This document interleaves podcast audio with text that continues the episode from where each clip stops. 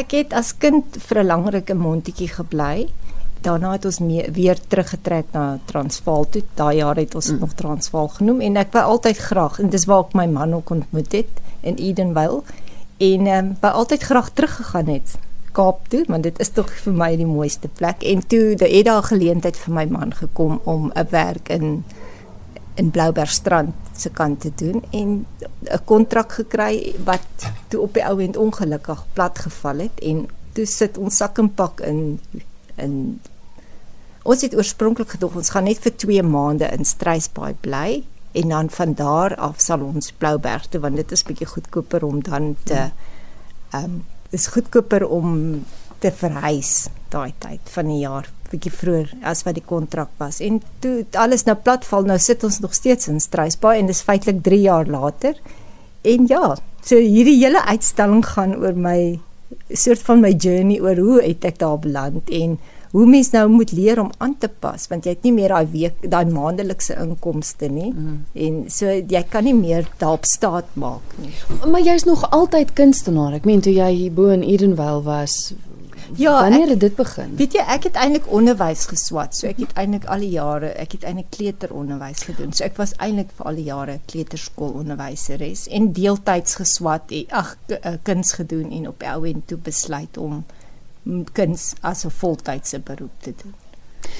Kom ons gesels oor jou uitstalling. Dit is tans te sien by die Zandvliet Wynlandgoed. Ja. Ons gaan nou gesels oor waar dit is want dit is ook 'n baie interessante storie, maar die uitstalling het oorspronklik as iets anders begin en dit het soos die pad wat jy gestap het toe nou eintlik in iets anders ontwikkel, né? Ja, wat gebeur het is ek uh, toe ek nou daar in Struisbaai beland waar ek nou nie so heeltyd wou wees nie. net vir 2 maande. net vir 2, 3 maande het nou gebeur dat jy nou voel jy jy's gestroop. Jy het nou nie meer jou huis nie, jy het nie meer daai finansiële inkomste wat jy gereeld gehad het nie. Toe het ek besluit ek gaan 'n uitstalling maak van 'n kaal gestroop dit ek 'n skildery gemaak met 'n kaal okay sy eintlik meer soos 'n sief uh, deurskynende bloes mm -hmm. en uh, daai nautilus skulpies en daai papier nautilus en die koringare wat die omgewing soort van reflekteer toe het ek nou dit gemaak en nadat ek daai skildery soort van klaar gemaak het, toe voel ek okay, dis nou my kaal gestroopte uh, uit uh, skildery. Ja, want praat van die kaal gestroop, jy het ekskuus in daai tyd ook uitgevind dat die goed wat jy meubels wat jy gestoor het, het ook het ook skade gekry. So jy was regtig kaal gestroop. Ja, ek was nogal baie gefrustreerd want my persiese matte was in en ek was so heilig op die goed toe my kinders in die huis was. en toe kom dit en toe verniel hulle so dat hulle is eintlik onherstelbaar beskadig. So ja, mens dan voel jy nogal baie blootgestel. Mm. En maar nou weet jy en jy kom op 'n punt wat jy besef as jy nie jou omstandighede kan verander nie, moet jy jouself verander. En dit van moet van binne af kom. Jy moet weer ander krag kry en jouself weer van binne af groei en jy moet jou eie jy moet weer 'n nuwe jou eintlike identiteit ontwikkel en besef wie jy is en nie net staat maak op dit wat in jou omgewing vir jou altyd belangrik was, jou mooi mm. huis en jou inkomste en so nie. So jy moet ander kragte en ander jy moet weer van voor af jouself ontdek. Want dis dan nou wat eintlik gebeur het na die kaal gestroopte skildery wat jy gemaak het, het jy begin besef hoe ek kan of lê of opstaan. Ja, wat is nogal snaaks is die in die begin was die wolke op die skildery baie donker en soos die tyd aangegaan het, het ek die wolke bietjie ligter gemaak en die skildery ook nie so donker. Hy het toe 'n ligter gevoel gekry. Hmm. So ja, ek kuns is nogal 'n manier om uiting te gee aan jou gevoelens. So dit help. Daar's 'n ander skildery wat ek ook gemaak het wat ek nou vir die uitstalling gemaak het wat want hoe maak jy nou 'n mens wat half gebroke is? Dis so ek nou hmm. daar staan. Toe het ek 'n bord geskilder en 'n kaal vrou op die bord en dan lyk dit of dit die bord is dan gekraak mm. en dan met goud reggemaak. Weet uit tyd hulle dit. So dis die dit is die simboliek agter dit. Mm. So dit was nou maar my manier om dit uit te gee aan my ervaring. Maar nou bly ek heel lekker.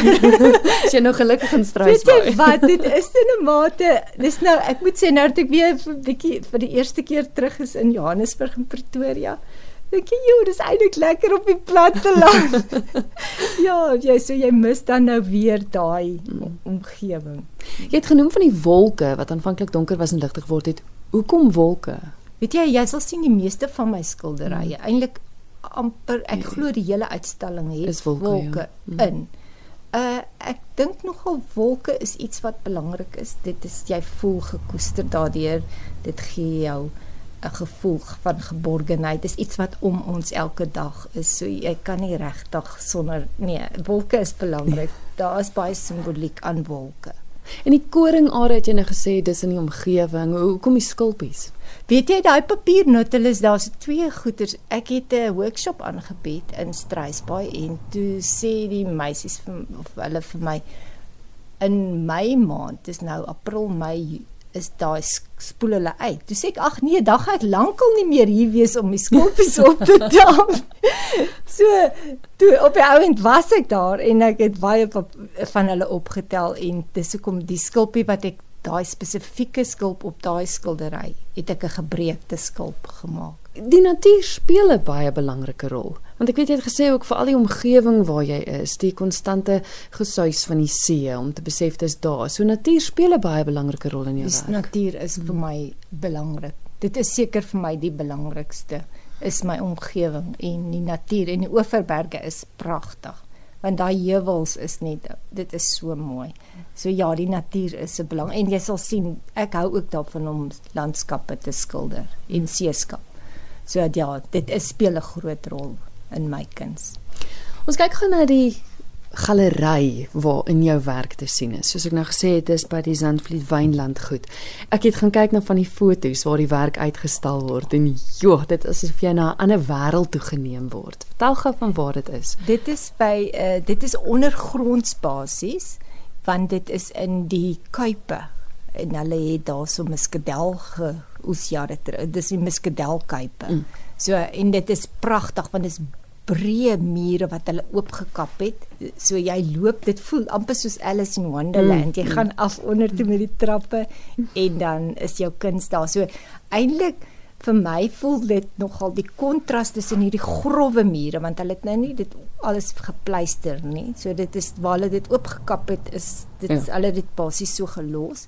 So dis die grouwe mure en dan die kuns wat eintlik redelik fyn. Die kontras is nogal groot dink ek. Ja, want kom ons praat gou oor jou styl. Jy sê nou fyn, maar dit is baie realisties. In 'n mate is dit realisties. Ja, ek dink nogal dit is redelik realisties. Hoekom sal jy wil hê moet mense gaan kyk? Is is daar 'n boodskap buite jou persoonlike reis wat jy gehad het? Dink jy daar's iets wat mense kan put uit die uit die uitstalling? Weet jy, met enige kuns, ek glo altyd jy gaan nie na 'n uitstalling of enige iets of na 'n plek toe om kuns te gaan koop nie. Die kuns gaan na jou toe.